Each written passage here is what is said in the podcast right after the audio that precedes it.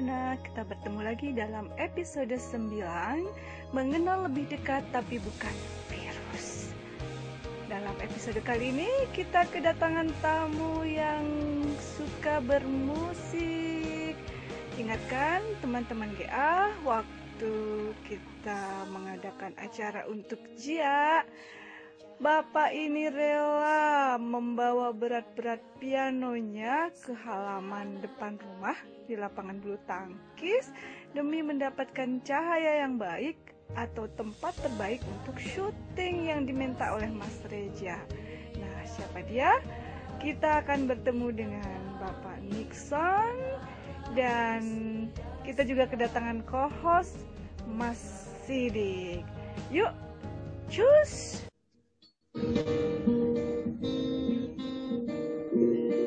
Kedengaran?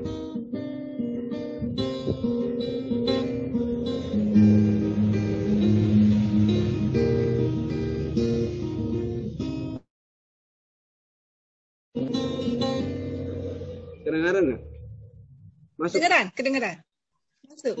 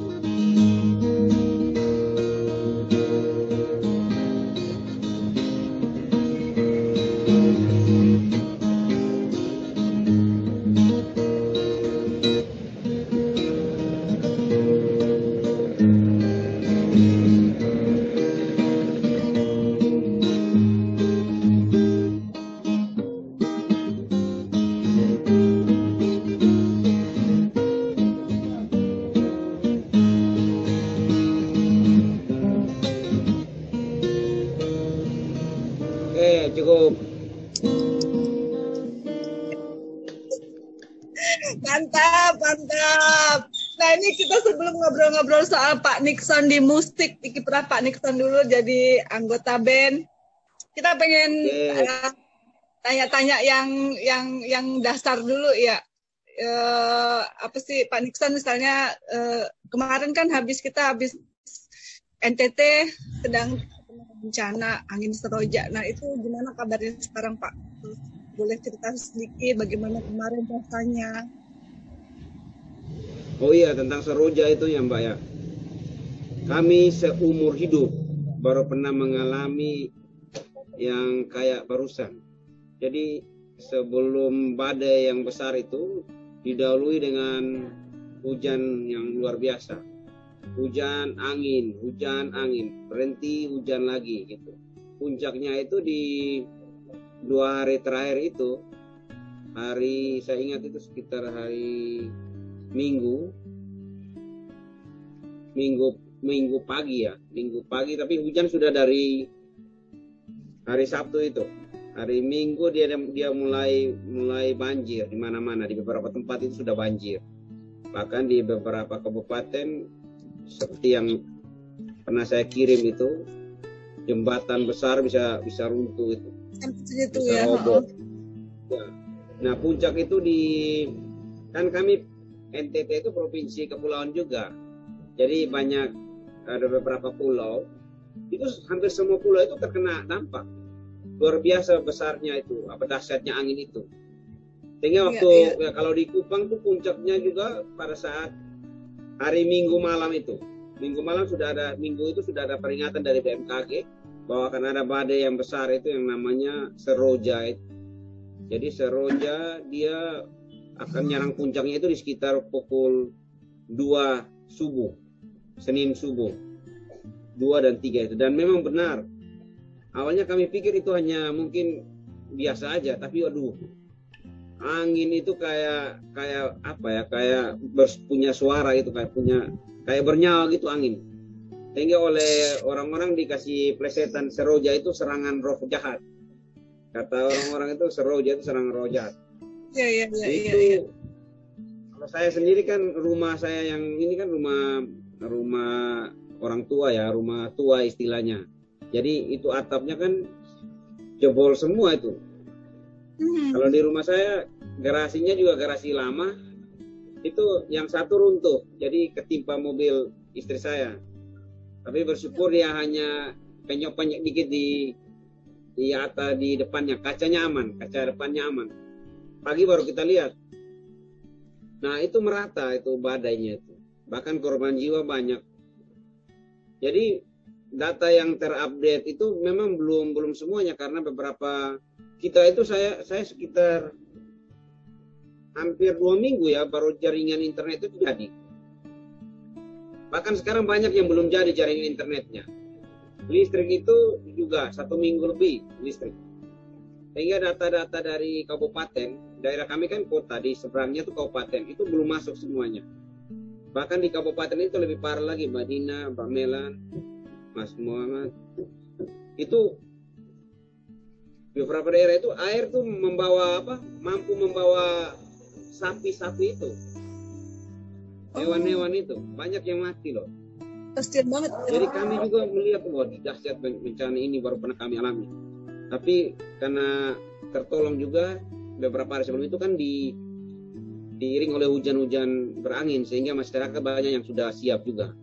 Jadi menyelsir korban di kami itu. Tapi di beberapa daerah kabupaten yang kayak Adona apa Flores Timur itu mereka kan ada sungai besar itu makanya banjirnya itu mem- memakan korban yang banyak. Seperti gitu mbak. Pokoknya seumur hidup saya itu baru pernah alami seperti ini. Baru pernah alami. Dan kami merasa bahwa badai ini bukan badai dari Indonesia. Ini kayak kiriman dari Australia. Seperti begitu dahsyatnya jadi anak-anak saya itu sampai nangis semuanya. Nggak kebayang sih. Rasanya mungkin waktu itu kayak mau kiamat ya Pak ya. Ngeri. iya. Ngeri, Nggak ada yang sama. jalan. iya. Itu biasa sampai ada danau baru, sampai ada pulau baru gara-gara badai itu nih Pak sekarang dampaknya Pak. benar. Jadi banyak mata air yang pecah lagi sehingga menciptakan ada danau baru ada bahkan ada pulau baru yang dikatakan di Pulau Selatan itu Pulau Rote itu ada muncul pulau baru kecil. Kami nggak tahu kok ini bisa hujan angin kok muncul pulau baru ya. Saya juga mencari-cari tahu apa penyebabnya. Jangan-jangan ada pergeseran yang kita tidak ra- terasa ya kita tidak rasa. Ada pergeseran apa di dasar bumi atau apa? Nah di daerah-daerah lain itu eh, saluran air itu berpindah. Jadi banyak yang gagal panen juga karena arah air yang dulunya di bendungan itu nggak ada lagi. Dia pindah ke membuat apa? Saluran baru gitu. Kayak gitu. Pokoknya banyak sekali masalah yang terjadi yang terjadi juga nah di beberapa tempat yang dulunya kering ada sumber-sumber air baru karena pecahnya mata air itu jadi ya ada istilahnya ada pelangi setelah badai Tapi banyak korban yang belum ditemukan juga ya Pak ya. Iya, sebenarnya belum terdata sih. Kalau ada korban yang tidak ditemukan, tapi ada korban juga yang belum terdata dengan baik. Yaitu di kabupaten banyak jaringan internet belum jadi sampai sekarang, Mbak Dina, Mbak Melan, Mas Muhammad Sidik. Soalnya saya saja eh, internet yang pakai Indo IndiHome itu, itu baru jadi empat hari lalu internet saya. Nah, banyak yang belum jadi juga sampai saat. Karena kesulitannya mereka untuk memperbaiki itu bahkan sudah datang petugas-petugas dari batuan dari Jawa juga membantu mereka ya tapi bersyukur semuanya kita aman-aman saja sehat-sehat Ya, selamat ya Pak ya, syukur. Ya untung nggak nggak ini ya. Tapi ya kasihan juga sih, banyak banget korban jiwa. Itu mungkin restorasinya juga parah, mungkin lama ya Pak ya. iya iya memang memang ya itu permasalahan permasalahan di daerah itu kan tidak secepat yang kita bayangkan kita baru belum bicara alat-alat berat ya kita bicara apa sumber dayanya aja kurang gitu dalam menanggulangi bencana seperti ini. Nah, mungkin juga daerah menurut saya belum belum pernah mengalami yang seperti gini. Jadi ketika besar gini kayak kalang kabut gitu. Iya. Mengalami beberapa kesulitan-kesulitan. Tapi saya ya akhirnya salut juga sama pemerintah pusat ya. Itu beberapa hari besoknya tuh lusa kita langsung dengar sudah ada turunnya pemerintah. Senang ya mendengar bahkan presiden juga turun. Itu jadi kemarin di statusnya jadi bencana nasional ya Pak ya? Iya, bahkan kita juga kita tidak ikut kita juga tidak ikuti berita seperti apa kita ya di luar. Soalnya televisi nggak ya. jadi, listrik nggak nggak hidup. Ya, ya, jadi kita nggak tahu seperti apa itu berita di luar. Bahkan saya juga mau ingin tahu beritanya seperti apa ya. Setelah itu baru kita baca-baca apa artikel-artikel itu Uh, kan mati semua internet itu mati. Iya iya iya iya iya iya. Iya. Iya mungkin kalau buat Pak Nixon yang suka pahit kemarin mungkin suatu saat bisa jadi lagu ya Pak ya. Kebayang suara ya. angin kata pesan kayak suaranya kedengeran bus-bus. Saya aja kemarin yang 15 menit di sini sempat ada angin kencang banget itu pas pas menjelang buka puasa aja sudah udah merinding, udah serem petir. Apalagi berhari-hari. Iya, Mbak. Jadi saya waktu kena dampak itu karena besok Selasanya itu harus ujian komprehensif tulisan. Oh, ya Sementara yang yang yang yang aktif itu ke WhatsApp bisa tapi ya dia agak berat juga. Jadi saya minta izin ke ke itu. Saya kasih tahu keadaannya ini. Ini, ini apa? Baterai saya ini low bed terus saya harus hidupin pakai mobil pelan-pelan untuk bisa aktifkan. Nah yang menjadi permasalahan di hari pasca badai itu banyak yang menaikkan harga seenaknya saja kan kebutuhan listrik kebutuhan untuk sek macam-macam itu. Tapi untuk pemerintah provinsi cepat tanggap untuk menindak yang menaikkan harga seenaknya. Kan banyak yang mencari genset, Mbak. Iya, iya. Kasihan anak-anak juga kan banyak yang. Sehingga genset itu dinaikkan luar biasa harganya. Saya juga termasuk mencari genset, tapi saya beli dari kabupaten. Karena informasi di kabupaten itu belum tahu mungkin harganya nggak sama kayak di kota ya, itu seperti gitu jadi akhirnya saya pesan genset dari sana untuk bisa membantu ya itu kerjakan tugas-tugas kuliah anak-anak sekolah dan macam-macam. Seperti gitu.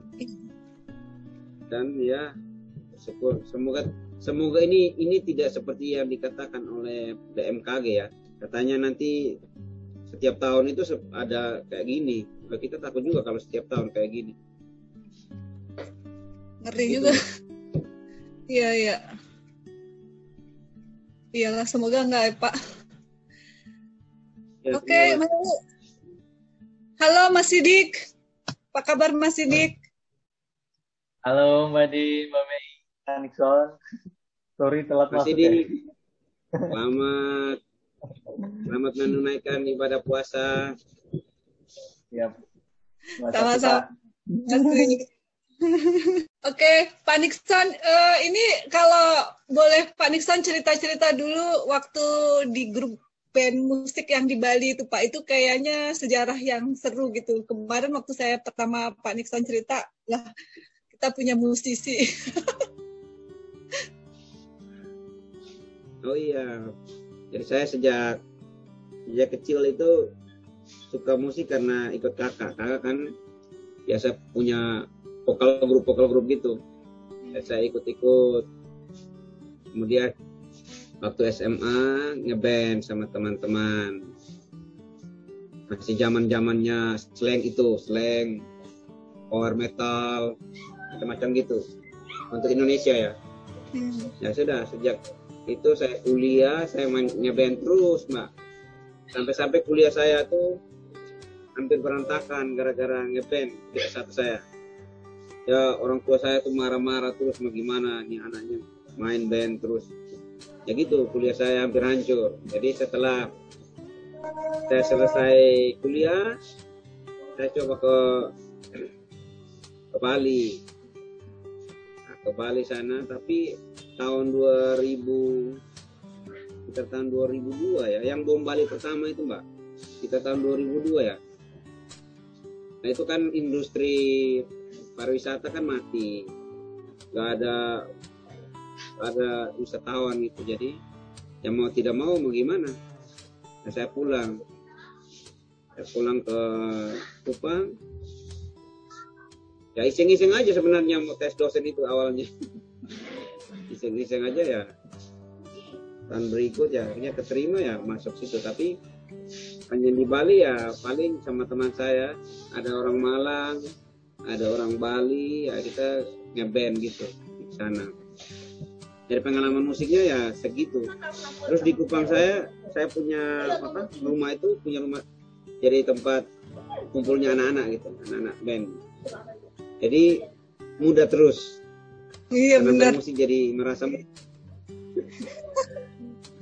Enjoy. sebelum saya sebelum saya ngajar itu saya pulang tuh saya membuat kursus tempat kursus musik gitu jadi di rumah saya ngajar gitar elektrik untuk anak-anak Kupang nah waktu keterima sudah jadi dosen karena sibuk jadi saya nggak pernah lagi uh, urus-urus itu lagi nggak pernah lagi sampai sekarang. Paling sekali-sekali aja main. Hanya kemarin pas gama di Ghana ya disuruh ya main lagi. Main gitu. Iya. Luar biasa itu Paniksan mau bawa-bawa piano keluar demi Zia. Kebetulan pas ada teman di rumah, terus pikir kita mau syuting di mana ya biar terang. Kalau mau ke mana lagi jauh lagi waktu sudah mendesak kan ada tugas kuliah juga nggak enak sama Mas Reza sama teman-teman semua kayaknya ini diburu waktu juga. Ya sudah, saya minta tolong teman, ayo ayo kita ngangkat ini berat nggak? Oh nggak, aja aja. Jadi kita ngangkat kebetulan di depan rumah tuh terang ya. Ya sudah, syuting aja. Ya kayak gitu. Nah, jadi ya yang penting teman-teman semua sukses acaranya Mbak Sia juga lancar semuanya ya, kita juga ikut senang gitu Tidak, luar biasa jadi nggak berat mbak nggak ada yang berat Iya, iya. Oh, eh, balik ke boleh balik dulu ke masa dulu Jaya main musik Pak di Bali itu ada pernah bikin album Pak sampai punya album sendiri gitu. saya enggak ada bikin album sih enggak tapi punya banyak lagu sih. Karena dulu kan untuk mau bikin-bikin kayak indie begitu agak susah ya kita sulit ya enggak enggak seperti sekarang ya. Dulu kan YouTube, jalurnya hanya dua aja. Kalau jalurnya recording ya harus label kan. Kalau nggak label ya indie. Indie label kan butuh modal jadi kita nggak kita paling main-main aja. Main ya senang-senang aja gitu main. Cari job gitu loh. Kalau nggak ada job ya. Ya gitu-gitu aja mbak. Nggak sampai tapi punya lagu-lagu kita ya banyak. Ah, itu nggak nggak eh, Pak Nixon lagu-lagu yang dulu tuh nggak di-upload di YouTube sekarang gitu. Ada rekamannya nggak itu Pak? saya tuh teruskan ke murid-murid saya itu banyak-banyak. Jadi banyak murid saya yang punya lagu saya tapi setelah itu mungkin ada bergeser sedikit apa ya dulu masih idealis ya masih senang di musik gitu. Tapi waktu waktu masuk ke dunia pendidikan oh, udah nggak ada waktu nih. Saya waktu masuk ke dunia pendidikan terus tahun 2007 itu ah, tahun 2000 kita tahun 2000 itu saya jadi ketua program studi juga makanya nggak sempat yang mau kerja profesional soalnya waktunya mbak. Kalau mau kerja untuk yang profesional betul itu butuh waktu. Kayak Mas Reza coba tanya aja Mas Reza. Kalau kita sekali ngedit ngedit itu pasti makan waktu dari bisa berhari-hari tuh dan malam sampai pagi. Nah, itu yang membuat waktu saya kayaknya sulit ya untuk dapat waktu kayak gitu. Untuk membuat membuat karya yang betul-betul perfect. Jadi ya sebatas fun aja mbak. Ya kalau Mbak Dina suruh bikin lagu kemarin ya ya itu ketantang yang kita buat tapi kalau untuk kerja sendiri itu loh itu apa membutuhkan waktu yang banyak ya saya kan. Iya, iya, iya. Pak Nixon itu yang kayak apa ya? kalau saya dulu itu suka mainnya kayak ngerok yang ngefang gitu kayak Win nah.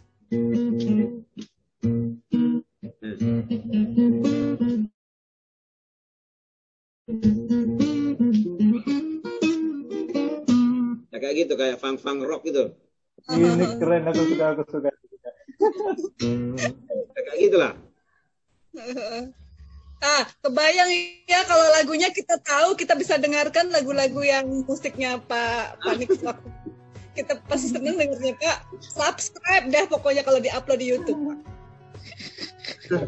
Nanti nanti ditunggu next project mbak. Kalau sudah selesai ujian komprehensi semua tinggal penelitian aja kan ada waktu banyak. Nah, itu saya bisa curi-curi waktu untuk kerja.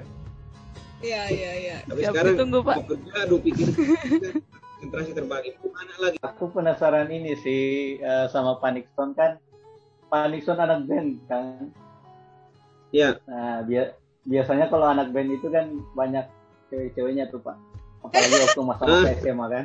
ya dulu dulu dulu dulu waktu masih masih ngeband masih masih bujang ya kayak kayak gitu kayak kayak tapi setelah itu terus saya ini menikahnya umurnya itu 34 loh itu agak ketuaan ya laki ya Iya, iya. saya menikahnya tuh sekitar umur 34 itu juga waktu ambil apa S2 di ITS ketemu istri saya itu di Surabaya orang Jogja kan istri saya Hmm. Nah, jadi kenapa sampai menikah umur 34 ya karena tadi masih ditanya itu. Untuk, untuk pernah mau anak band itu kayak mau komitmen itu agak sulit ya karena kita apa ya? Godaannya banyak, aja Pak. itu, apa, Hmm, Iya. Sehingga terakhir ketemu istri ini ya sudah mau gimana lagi? Kalau nggak nikah kakak-kakak saya semua sudah bertanya kapan dia nikah nih? Kapan dia nikah? Ya sudah akhirnya ketemu istri saya ya kita harus mengakhiri semua harus berkomitmen. Nah, teman saya yang pemain rhythm saya itu mas itu sampai sekarang belum menikah. Ya itu kayak gitu kayak kayak masih hidup apa hidup kita hidup malam berakhir di pagi. Kayak gitu kan pemusik kan suka ngumpul. Nah kalau mau ke- gitu terus udah repot. Waduh ini gimana saya pikir? Satu saat harus mengakhiri yang kayak gini. Ya, akhirnya ya ya Tuhan kasih jodoh orang Jogja ya saya selesai S2 pulang ke Kupang ya bawa orang Jogja ke Kupang. Itu ceritanya. Iya ini sama sama Pak sama Pak Monang dapat orang Jogja. iya kamu nang juga ya Iya benar. Pak Nixon eh, apa namanya? Ketika menggarap satu lagu gitu ya, kan Pak Pak Nixon kan memang di musik itu sensinya kata Reza, oh sensnya Pak Nixon mah udah komplit lah, udah bagus banget gitu. Eh, itu eh, berap, butuh waktu berapa lama Pak? Eh, apa ya tergantung tergantung perasaan ya tergantung perasaan saya itu kalau buat lagu tergantung tuntutan semakin semakin tertekan untuk menyelesaikannya semakin cepat Hmm. tapi kalau misalnya punya waktu luang malah malah lama mbak itu saya Oh, heran. gitu. kalau misalnya nah, kayak misalnya mbak Nina bilang pak tolong bikin lagu ini atau dalam untuk kebutuhan ini itu saya bisa cepat loh atau ada teman saya yang nah, ya tapi kalau misalnya waktunya banyak nih. Mau bikin lagu itu sulit ya. Untuk cari idenya itu sulit loh. Jadi mungkin harus tertekan oleh suatu apa itu ya. Perasaan itu tertekan terdorong ter baru kita bisa muncul inspirasi. Seperti gitu. The power of kepepet jadi ya kalau Pak. mbak Nina nah, seperti secepat apa itu ya tergantung mood ya. Tergantung mood ya. Iya. suasana ya. Jadi kalau saya dengar-dengar tadi da- dari tadi tuh eh, berarti Pak Nixon itu sejak itu ya sejak muda ya eh, main musik itu karena apa terinspirasi oleh sang kakak gitu ya Pak Nixon? ya Atau dari orang tua juga itu ada bakat-bakat seniman gitu Pak Nixon? Iya loh, nggak Eh, cuma piano, gitar, alat musiknya banyak yang dikuasai. kalau kakak saya tuh yang dia kan sekolah musik memang dan dia di Bali jadi ya saya lihat-lihat ngikut-ngikut mungkin lingkungan juga jadi kebiasaan dari kecil melihat-lihat akhirnya mendengar-mendengar ya terbawa dengan sendirinya. Mengikuti jadi ya baru mendalami kalau gitar elektrik itu mendalaminya sejak SMA betul mendalami betul. Tapi terusnya kok nggak ke sekolah musik juga Pak? Kenapa ke elektro Pak? Elektro nah, gitu. nah itu. Nah itu dia. Jadi kadang-kadang saya berpikir apakah ini menjadi suatu berkat atau satu penyesalan terbesar. Dua-duanya kadang-kadang bercampur aduk. Iya. Jadi itu kadang-kadang di saat lagi tertekan, lagi lagi mengalami apa tekanan di dalam pekerjaan atau di dalam kuliah, kadang-kadang muncul kenapa ya saya nggak itu. Tapi kadang-kadang saya berpikir, berpikir sebaliknya, untung saya nggak itu, untung saya nggak musik. Karena sejak uh, saya jadi dosen malah pengalaman-pengalaman saya bisa saya bagikan ke mahasiswa-mahasiswa saya. Bahkan saya sangat bersyukur karena saya memahami mahasiswa-mahasiswa yang mungkin banyak kerja di luar, kemudian kuliahnya lama, itu saya memahami itu. Hmm. Terus mahasiswa yang punya, ya saya berpikir mestinya ada penghargaan gitu. Kita harus mencari tahu dulu mahasiswa ini permasalahannya apa, kuliahnya lambat. Kalau dia memiliki apa pekerjaan lain misalnya Mbak Melan, itu bisa saja itu menjadi nilai tambah nanti nilai plus di, di kemudian hari bukan. Jadi kadang-kadang saya mau menjudge mahasiswa yang kuliahnya lambat itu juga tidak segampang itu. Saya mencari tahu dulu kenapa dia lambat. Nah, gitu kayak kayak gitu pengalaman. Jadi kemudian saya berpikir, kenapa saya nggak musik? Mungkin saya terpanggil untuk menjadi dosen untuk berbagi pengalaman saya di dalam mendidik mereka. Kan kalau mendidik itu berarti merubah tingkah laku seseorang kan, bukan Iya, memberikan betul. ilmu tapi merubah tingkah laku. Saya Behavioral. berpikir, oh berarti saya terpanggil Tuhan mau saya jadi dosen untuk bisa eh, mengambil sisi lain dari dari menciptakan generasi ini seperti apa seperti gitu jadi mungkin saya harus apa menerapkan kreativitas saya itu di dalam di dalam bagaimana me- menghasilkan generasi generasi berikut itu jadi saya juga dekat dengan mahasiswa saya banyak. Seperti itulah. Jadi mungkin ini panggilan saya mbak jadi Wah. musik. Mantap sekali Days Ya, memang memang memang Pak Nix berbakat jadi pendidik ya. Dan sepertinya ini ya musiknya justru apa ya memberi memberi tempat khusus gitu di hati para mahasiswa. Mungkin Pak Nixon juga pendekatannya juga lewat musik seperti itu. Iya nggak Pak Nixon kan Iya. juga jadi ketua saya Prodi juga- kalau bisa menampilkan musik itu kan kayak sama apa ya staffnya kayak wah keren nih gitu Tapi tahu nggak Mbak, Mbak Melan, saya tuh di kampus mahasiswa tuh nggak tahu saya bisa main musik kecuali sudah semester semester atas. Ya ampun. Kok bisa? Jadi nanti mereka tahu dari dari cerita-cerita gitu-gitu. Tapi saya nggak pernah eh, menunjukkan atau mencoba saya bisa main musik di mahasiswa saya. Nanti semester mungkin sudah semester atas mereka sudah melihat-lihat men- men- apa mendengar cerita-cerita baru mereka tahu gitu. Nanti satu dua yang juga ikut ngeband mulai add saya di Facebook atau di baru mereka tahu oh ya seperti gitu.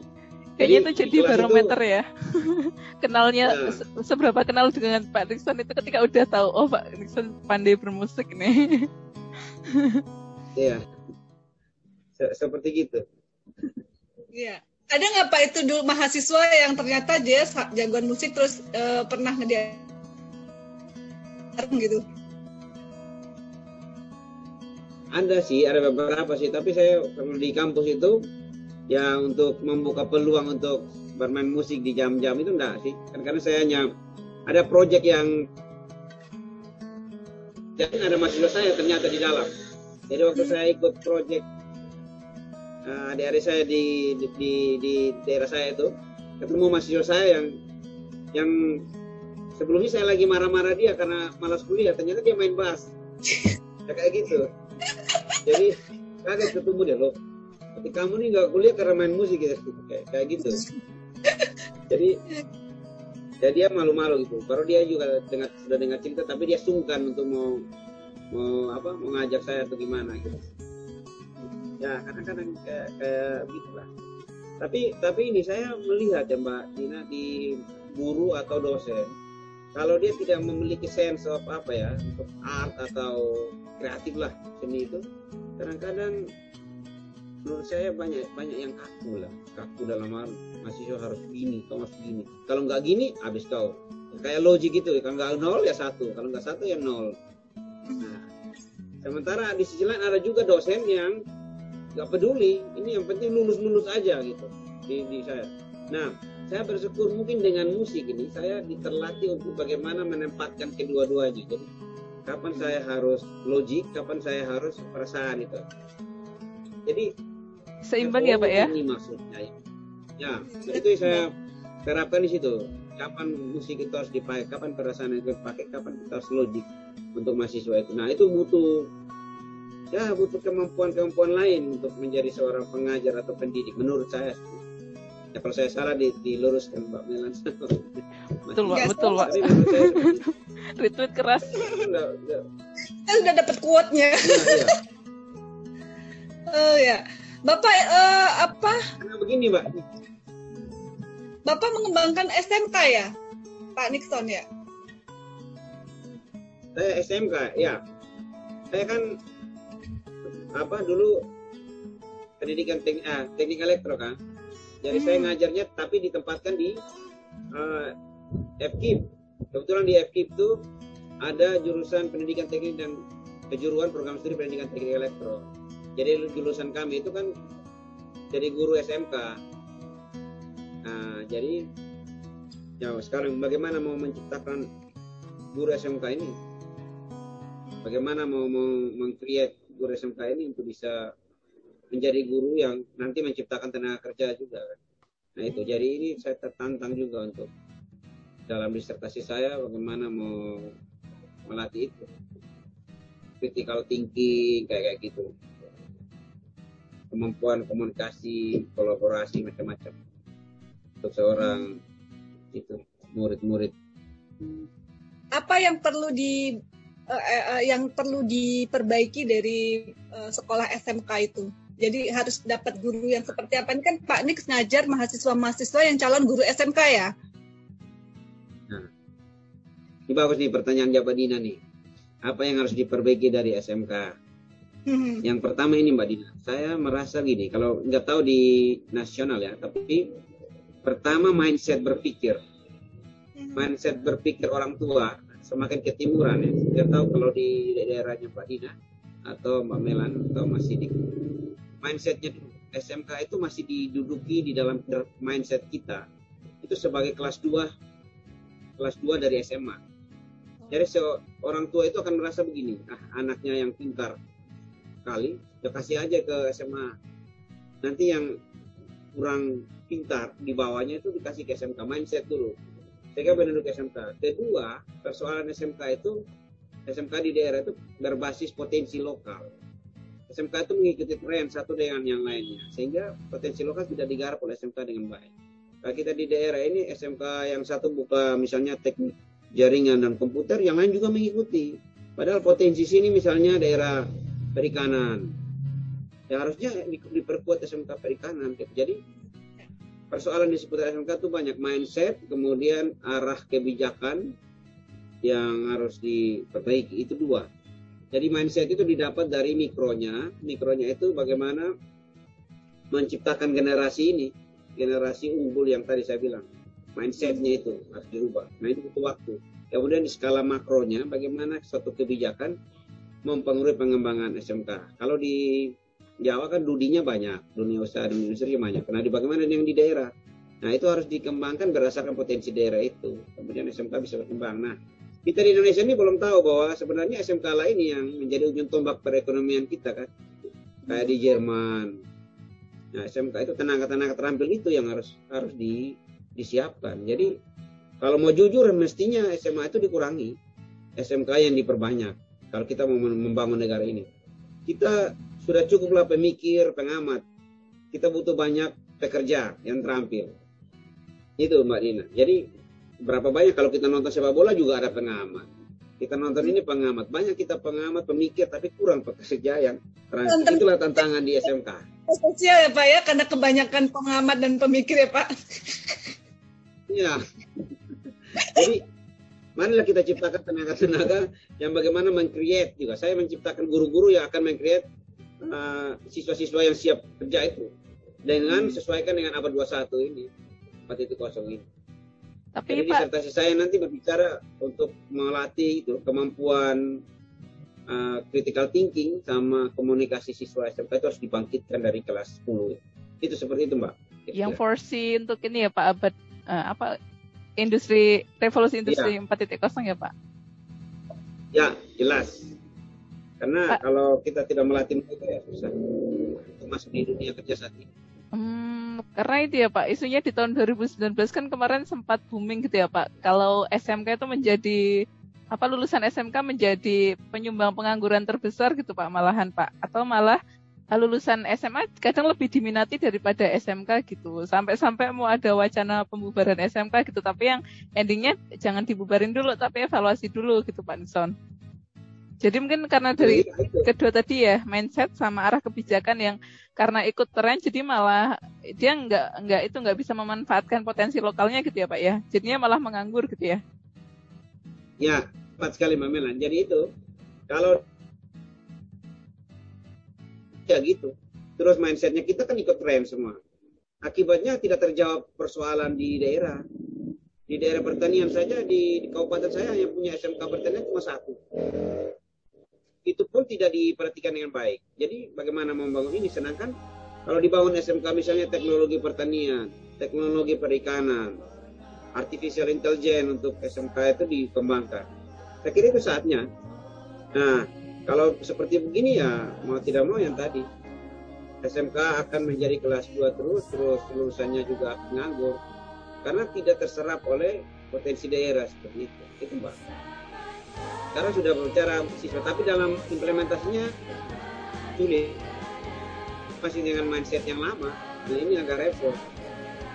Nah, oleh sebab itu penelitian saya mau masuk ke situ, bagaimana mau buat suatu eksperimen dengan menguji, mendesain suatu model pembelajaran kaki yang tadi kritikal tinggi sama komunikasi. Nah seperti seperti gitulah mbak, mbak Mela. Wah, keren banget ya. mantap pak semoga sukses pak saya ikut seneng itu pak tadi kita musik sudah kita bahas. Sekarang yang olahraganya nih, pelatih renang dan bela diri. Nah, Saya itu dulu dulu latihan silat, tempo, karate. Tapi saya karena waktunya nggak ada, saya terbagi. Setelah itu saya sudah sibuk nggak lagi. Jadi anak-anak saya saya masukkan ke karate gitu. Jadi saya masukkan ke karate terus ya di rumah itu saya perhatikan kalau masih kurang apa saya bantu masukkan memberikan masukan. Terus kalau renang ya sebenarnya renang itu hobi saja karena anak-anak saya kan suka renang jadi saya bawa ke sana saya renang ya saya ikut renang renang gitu. terus dulu sepak bola ya sepak bola juga saya jadi semasa SMA kuliah itu saya kegiatannya banyak musik sama olahraga. Itu pasti tapi sejak jadi dosen yang saya kegiatan saya paling banyak itu duduk dan makan. Ber- duduk karena banyak berhadapan dengan laptop makan karena menemani itu. Akibatnya ya ulet. Itu mbak. Jadi olahraga dulu saya sering tapi sekarang waktunya yang nggak nggak punya lagi banyak Pak Nixon Pak Nixon izin bertanya. Jadi dari semua pengalaman hidup Pak, Pak Nixon nih dari yang mudanya seperti itu ya kan? Terus semakin ke sini kan semakin apa ya dewasa terus gitu bijaksana gitu. Terus dari semua itu mengkristal untuk mendidik anak-anaknya kayak apa Pak Nixon? Oke, jadi saya mendidik anak saya itu yang penting mereka bagaimana mampu bersikap bersikap secara baik, bersikap tapi eh, rajin sembahyang. Kebetulan kalau di rumah itu setiap hari harus sembahyang, malam kita malam itu harus sembahyang. Kemudian harus eh, apa? bersikap baik dengan orang. Tidak boleh tidak boleh istilahnya tidak hormat sama orang, tidak menghargai orang. Nah, tapi saya tidak tidak kerasin kayak harus gini harus gini enggak. Mereka silakan aja dengan dengan bakat mereka. Sehingga musik itu saya hanya mau bilang aja, ya kalau kakak mau main, kakak mau main main, bapak, bapak ajar. Gitu. Tapi kalau dia belum mau, dia nyanyi saja. Saya nggak maksa. Jadi jadi seperti itu mendidik anaknya. Yang penting dia basic agama, rohani, kemudian menghargai orang dan jangan apa telat mengerjakan tugas dari guru. Gitu. Setelah itu boleh boleh main atau mau silakan yang sudah kerjakan tugasnya. seperti itu. Mantap Pak. Disiplin ya, disiplin Bapak Pak Nixon. Meskipun uh, disiplinnya nggak kaku karena juga diajarin seni ya, luar biasa. Oh, ini ini inti mata kuliah pedagogik saya semester ini Pak Nixon. Jadi intinya pendidikan itu dalam religi yang pertama. Nah itu lalu nanti berkembanglah ke yang lain. Mantap Pak. Kalau sudah ada basicnya, yang lain pasti mudah. Iya. Eh. Eh, saya senang banget ke di LPDP ini kenalan dengan banyak guru calon apa calon guru calon apa dosen pendidik guru gitu jadi kalau tiap ketemu teman ngobrol di zoom kayak gini saya selalu dapat ilmu gitu terus luar biasa ya teman-teman Iya, Pak Nixon karena kemarin kan kami janjinya uh, ke Pak Nixon satu jam karena berapa lama Mbak Dina? Ya satu jam takut Pak Nixon sibuk boleh. Nanti biar selebihnya kita mau ketemunya langsung aja beneran kalau Pak Nixon udah di Jawa. Soalnya saya penggemar Pak Nixon pengen dengerin nyanyinya. Ah. Semoga kita segera ketemu ya. Iya. Dalam event-event ya. Iya. Pesan-pesan untuk Gana gimana Pak? Ya tetap menjaga kekompakan, menjaga komunikasi. Ya acara-acara kayak gini nih pas mempertahankan ini ya, mempertahankan kekerabatan kita, kita walaupun berbeda-beda, tetapi tetap satu. Oke, Oke Nggak Nixon, terima kasih banyak. Mungkin ada keperluan lain. Sampai ketemu lagi, ketemu langsung nanti. Sampai ketemu. Sehat. Semoga uh, ramalan BMKG itu tidak terjadi ya Pak ya. Semoga baik-baik semuanya tahun-tahun mendatang. Amin, amin, Terima kasih Mbak Dina, Mbak Melan, Mas Sidik, Mbak Rizky semuanya. Dah. Kita saling